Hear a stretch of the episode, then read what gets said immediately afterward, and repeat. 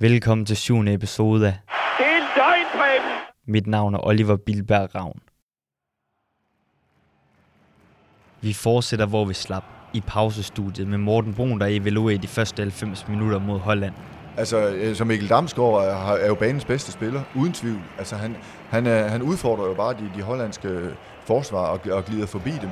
I første halvleg, der, der, der, der spiller vi jo drømmefodbold. Altså, okay, jeg, fair nok, jeg anerkender også, at anden halvleg bliver, bliver et slag for at, for, for at holde føringen, og vi kan selvfølgelig godt være, være meget bekymrede for, hvordan det skal gå nu her. Er vi allerede har vi allerede passeret vores grænse for, hvad, hvad, hvad, vi, kan, hvad vi kan præstere. Men så på den anden side, det, det synes vi jo, vi har gjort øh, afskillige gange allerede i den, i den, her, i den her slutrunde. Jeg vil sige, uanset hvordan det går, så, må, så, så, så er folk forpligtet til at sidde derhjemme og tænke, vi, vi fik lov til at opleve Danmark i en EM-semifinale af, af, af, af, af så formidabel fodboldmæssig en karakter. Altså alene det er et privilegium, og så må vi jo så se, hvor langt det rækker. Vi kan godt have bange anelser selvfølgelig, men det har været en vild fodboldkamp. Efter de første 90 minutter er der total udsolgt hos danskerne. Spillerne vandrer slagende hen mod den danske bænk, hvor der er 5 minutter til at drikke noget vand og få lidt massage. Simon Kjær er bitter over den hollandske udligning. Han er faktisk pis hamrende sur. Kraftet med noget lort. Jamen for helvede, Simon. Hvis du havde vidst inden, at du ville være i den her situation, så ville du da have været tilfreds.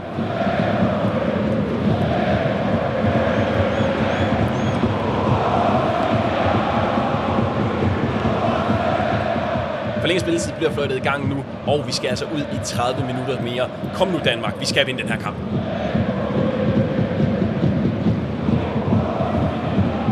En kæmpe chance til Frenkie de Jong nu.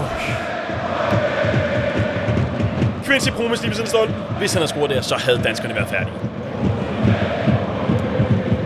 Dolberg gå ned og agerer sweeper for at give forsvaret den nødvendige støtte til sidst. Joachim Mæle har snart været skadet i en time og agerer nytteløs angriber. Christian Nørgaard er i gang med at tømme det aller sidste ud af tanken og ender i flere situationer som Danmarks forreste mand. Og der lyder slutfløjtet. Vi skal i straffesparkskonkurrence.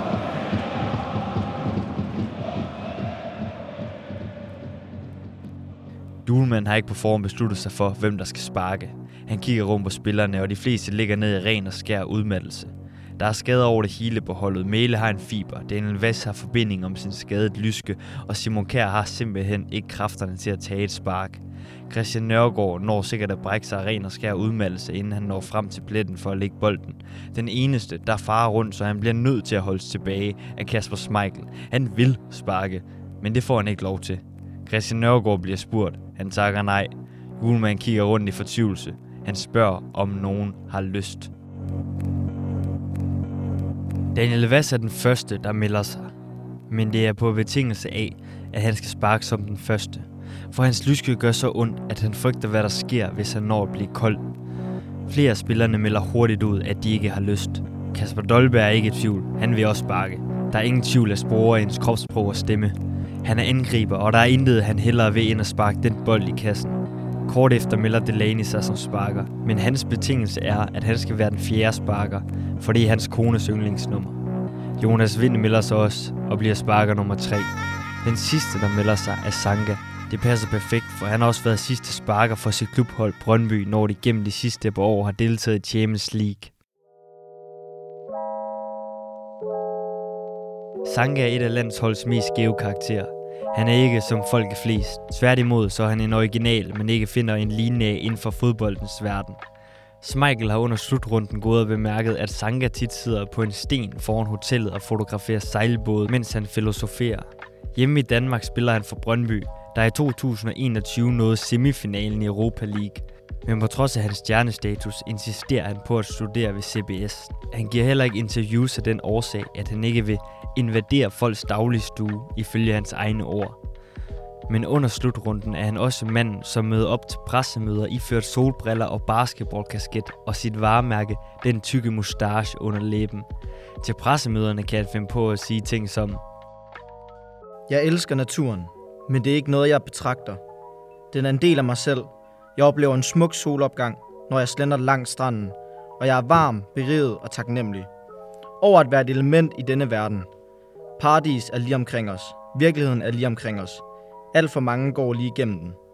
De ser den ikke, de fanger den ikke, de fornemmer den aldrig.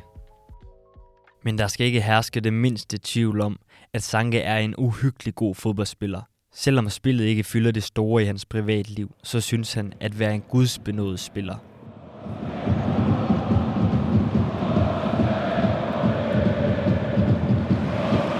Og nu er det altså straffesparks konkurrence. Vi skal vinde den her.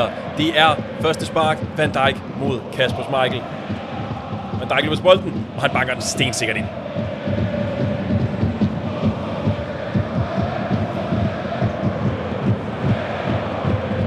Så er det altså blevet Daniel Vass tur til at sparke, og hvis man lige skal opsummere hans tidligere straffespark for landsholdet, så er det altså blevet til to missede straffespark. Jasper Silsen går lige og giver ham et par ord med på vejen, og nu ligger han bolden til rette. Et blødspark fra Daniel Vass. Jasper Silsen får fingrene på, men den går ind. Der står 3-3 nu.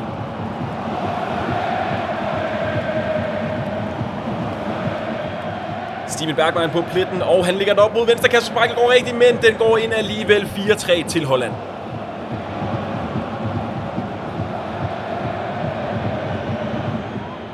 Så er det straffesparkspecialisten Jonas Vind, som der skal skyde. Han sætter den højt op til højre, og han snyder fuldstændig Jasper Silsen.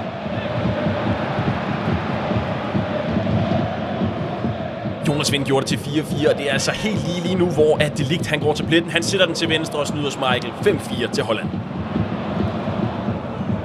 Thomas Delaney, han går op mod pletten. Ustyrligt flot hår, han har så Det er næsten ligesom Laudrup i de gamle dage. Og her sætter han den ind. Van de Beek, han går op mod pletten. Han virker på ingen måde påvirket af situationen. Og han sætter den stensikkert ind. Og så er det Dolbergs tur til at sparke. Han skal op mod hans tidligere holdkammerat Jasper Sillesen. Og der sker noget lidt nede på banen, hvor jeg kan se, at han ligesom skubber Sillesen væk. Gå væk med dig, siger han. Han går tilbage. Sillesen bliver ved med at provokere. Jeg ved ikke, hvad der foregår. Dommeren han tager fat i begge to. Det virker til, at der måske kommer et gult kort op. Nej, ingenting. Og her, der kommer sparket. Sillesen han får fingrene på, men Dolberg han scorer. Vi er altså stadigvæk fuldstændig lige her i Sverige. Så er det altså Memphis Depay's tur. Nok den største stjerne på det her orange mandskab. AC Milan spiller. Tidligere Ballon d'Or vinder. Og han står altså over for hele Danmarks Kasper Schmeichel. Han løber til bolden. Han skyder til højre. Nej, nej, nej, Schmeichel han redder den. Jeg er selv i chok.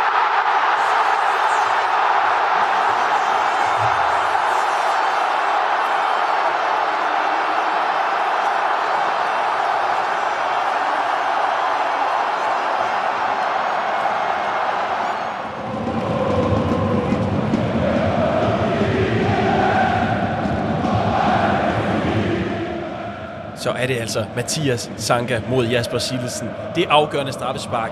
Han giver måske lidt igen til Jasper Silesen. Han vinker lidt til ham. Han viser lidt... lidt ja, nu går han ind. Han omplacerer bolden. Jeg ved ikke helt, hvad der sker. Jeg ved ikke, om han er naver på, eller om han faktisk bare er lidt flabet, ligesom Silesen han har været i hele den her konkurrence her. Nej, nej, nej, Dolberg. Han står og krammer med Christian Nørgaard. De tør ikke at se på det her. Der er fuldstændig stille på stadion. Et underligt tilløb. Sanka han går til bolden. En lille fodfinte. Han sætter den ind! Nej, nej, nej, nej, nej, vi er i finalen! Vi er finale klar! Han hopper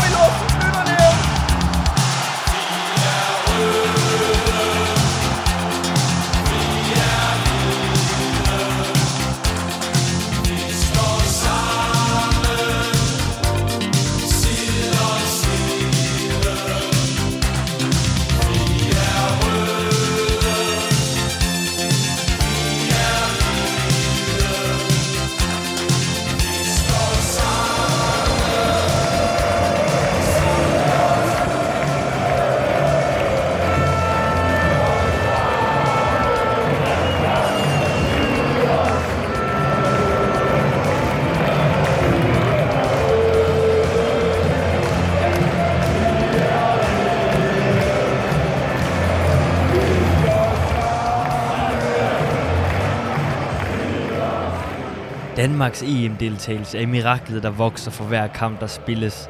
Stemningen er euforisk, og al form for dansk tilbageholdenhed og jantelov bliver i de her dage lagt på hylden. Alle handlinger, alle jubelscener, alle kram med fans er impulsive og spontane. Kroppens følelser har taget over, og spillerne kaster sig rundt på banen i vildskab. Det kan også mærkes i de interviews, som de danske spillere giver til journalisterne, der har invaderet banen. Kasper Dolberg kan næsten ikke få vejret. Jeg stod sammen med Jønsson ude på sidelinjen. Jeg kunne ikke klare Sanges arrogante fasong i situationen. Jeg sagde til Jønsson, at hvis han brænder, så bliver jeg kraftedet med tosset. Smeichel tager over. Det er kun Sanka, der kan det der. Først med hænderne og bolden, så et skridt til løb, og så vender han sekund til Jasper Sillersen er gået ind og kan trille den ind. Typisk Sanka. Han er en fabelagtig fodboldspiller. På det nærmeste hospital ligger den uheldige Robert Skov. Sammen med ham er landsholdets læge. Lægen har fundet et tv ude på gang, som Robert Skov ikke kan se. Da Skov råber til lægen før Sankas afgørende spark og spørger, hvad der står, så svarer lægen, at begge hold er skruet på alle spark. Det er først efter Sankas spark, at lægen afslører, at hollænderne tidligere har brændt. Den vilde eufori spreder sig straks fra stadionet til hospitalet, men selvfølgelig også til Danmark, hvor befolkningen er gået amok. Folk stormer til rådhuspladsen.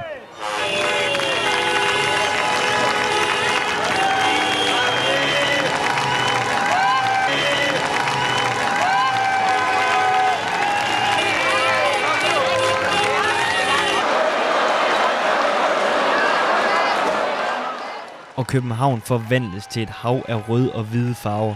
Tusindvis af folk fejrer sejren og løber rundt i hele landets gader med flag og favnen fuld af øl. Julemand prøver i glædende stund at minde spillerne om, at de skal spille deres vigtigste kamp nogensinde i deres karriere om tre dage. Men danskerne kan selvfølgelig ikke lade være med at gå amok i fest og farver. Det har heller ikke nogen dæmpende effekt,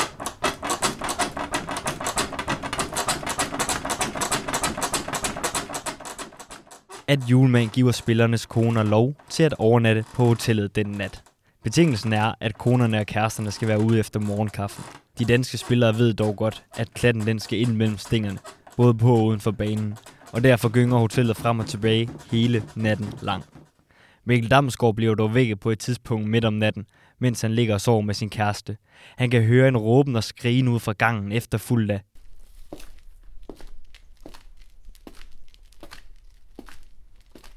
nogle tunge, tunge skridt.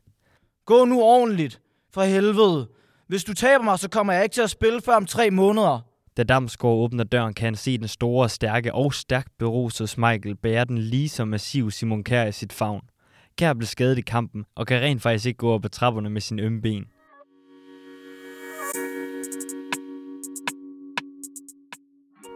Der bliver spekuleret i, om danskerne overhovedet kan sende 11 slagkraftige spillere på banen mod Tyskland i finalen. Kampen skal spilles fredag aften, og Simon Kjær kan på ingen måde spille, som det ser ud onsdag aften.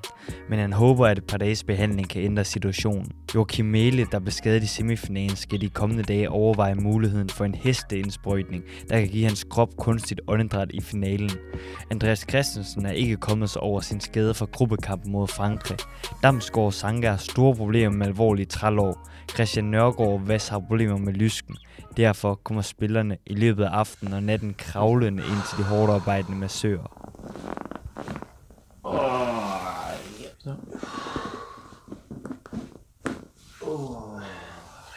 Efter alle de skadede spillere er blevet behandlet, ligger de to massører sig på deres brikse for at falde i ro til en film. Men efter at have arbejdet i timevis, falder de begge i søvn inden for 5 minutter.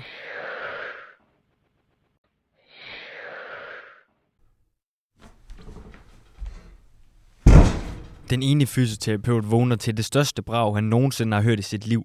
Han kigger til siden og kan ikke finde en anden fysioterapeut.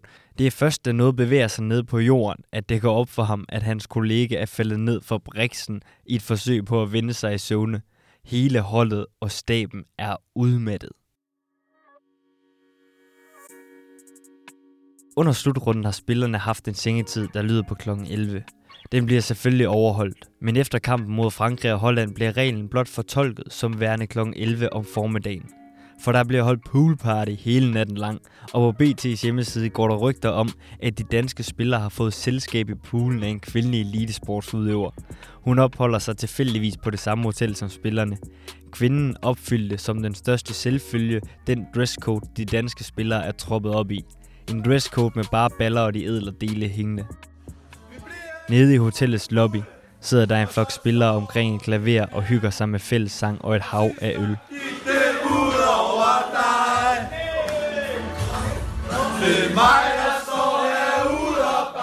Da julemanden går forbi dem på sin vej i seng, siger han til dem. Kom nu ikke for sent i seng. Til sin store overraskelse sidder spillerne stadig ved klaveret, da Julemand er på vej ned til morgenmaden dagen efter.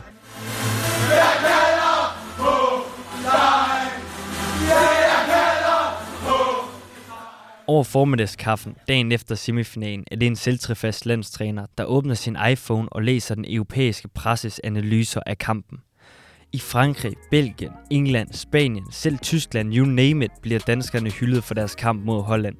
Det bliver beskrevet som en af de bedste fodboldkampe, der er blevet spillet i årvis. Danmark er blevet Europas darlings.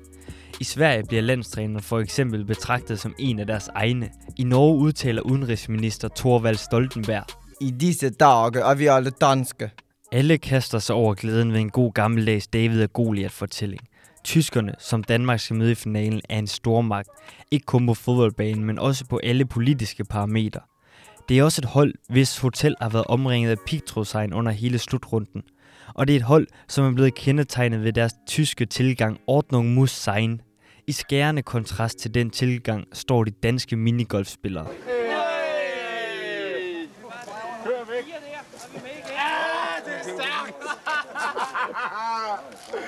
Har I noget imod, hvis jeg spiller alene?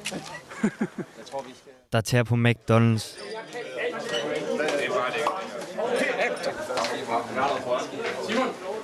Og holder pool party til den lyse morgen.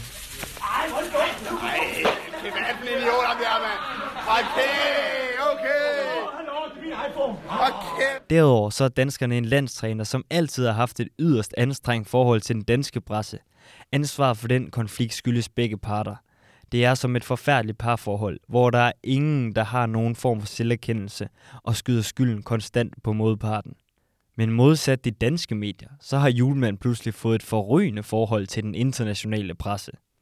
De synes, han er en spøjs og anderledes karakter, som både skaber overskrifter og giver artiklernes indhold kant. Forholdet mellem Julemand og den internationale presse piker i et samsurium af forvirring og fascination for den skæve landstræner, da han inden finalen afholder det sidste pressemøde.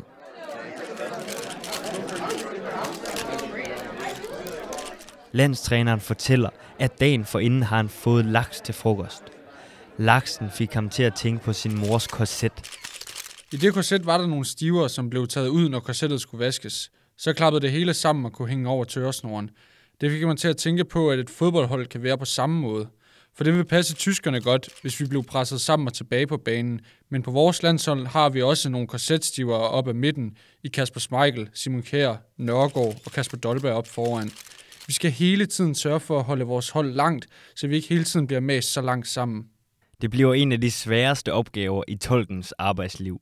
Men for at det ikke skal være løgn, så har den legendariske træner Søge Alex Ferguson og Julemand spist middag sammen dagen før pressemødet. Under middagen var Julemand udmærket klar over, hvad han havde tænkt sig at sige på pressemødet, så han spurgte naturligvis Søge Alex, hvordan man siger korset på engelsk. På samme dag som pressemødet bliver afholdt, sker der ting og sager hjemme i Danmark. Eller der bliver sørget for, at der netop ikke skal ske noget i morgen. Alle arrangementer, såsom koncerter, foredrag, teaterforestillinger, faktisk alt på nær Roskilde Festival bliver aflyst. I morgen handler det kun om én ting. I tyskernes lejr tager man optakt med vanlig ro og nedtoner generelt begivenhederne. To år forinden har tyskerne vundet VM på mål af deres nuværende anfører Marcel Halstenberg, og ved de sidste tre EM-slutrunder er det blevet til et mesterskab og to semifinalpladser. På tysk tv kan man aften inden finalen opleve landstræneren Joachim Löw. Das einzige Problem mit Kasper Dolberg und Mikkel Damsgaard ist, dass sie keine Deutschen sind. I samme udsendelse kan man se, at der i Frankfurt bliver stillet mobile tribuner op ude i lufthavnen og inde i byens centrum. Så er byen klar til at modtage de kommende tyske EM-vindere. Tyskerne er også det eneste hold, som før slutrunden bookede et hotel i byen Göteborg på finaledagen. De er og har aldrig været et sekund i tvivl om, hvilken vej vinden blæser. Og ligesom så ofte før i fodbold, har det tyske fodboldlandshold kraftig medvind i ryggen mod EM-trofæet. To dage før finalen siger landsholdslægen til politikken om Mæle og Simon Kær. De har 20% chance for at blive klar til finalen. Dagen efter opdaterer han pressen på de to spillers situation. Chancerne er øget til 24%. Om de to spillere er klar, bliver først afgjort på kampdagen. Om morgenen beder landstræneren Mæle og Andreas Christensen om at pakke sit træningstøj og tage med ham og et par fra staben ud til stadion. Da de ankommer, får spillerne et kvarter til at varme op, og så kalder landstræneren de to spillere hen til sig. Opgaven er simpel. 25 meters penge foran dem står de to assistenttrænere. Spillerne skal spurte hen til dem, klappe hver sin træner i hånden og løbe tilbage til julemand. Hvis jeg skal vælge, hvem af jer, der får lov til at starte i finalen, så vælger jeg ham, der kommer først. De to spillere rynker på næsen. Mæle er meget hurtigere end den tunge forsvarsklip af Andreas Christensen. Men der er ingen vej udenom. Sæt i gang!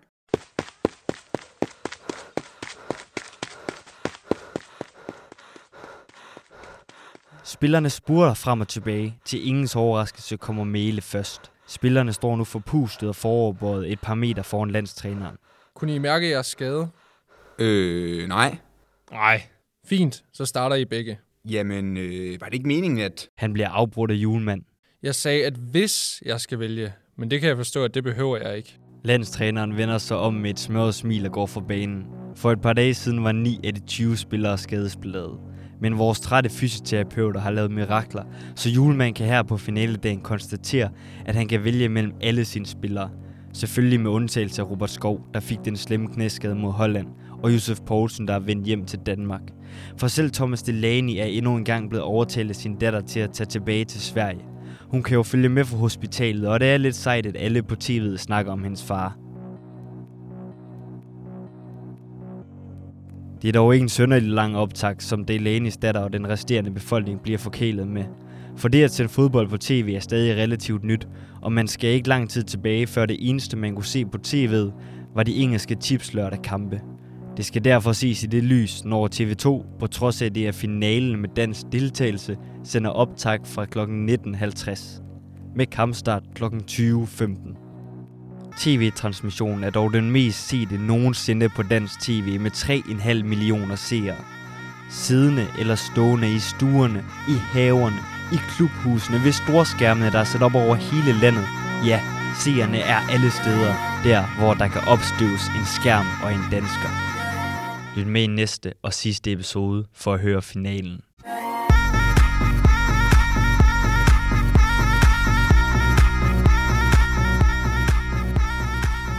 Du har lyttet til podcasten. Det er en Preben! Skrevet, tilrettelagt, produceret, klippet og lyddesignet af mig, Oliver Bilberg Ravn. Til slut vil jeg gerne opfordre alle sofa-eksperterne til at bruge hashtagget Det er løgnbreben, hvis du vil skrive om podcasten på de sociale medier. Så kan jeg nemlig følge med. Og tak fordi du lytter med.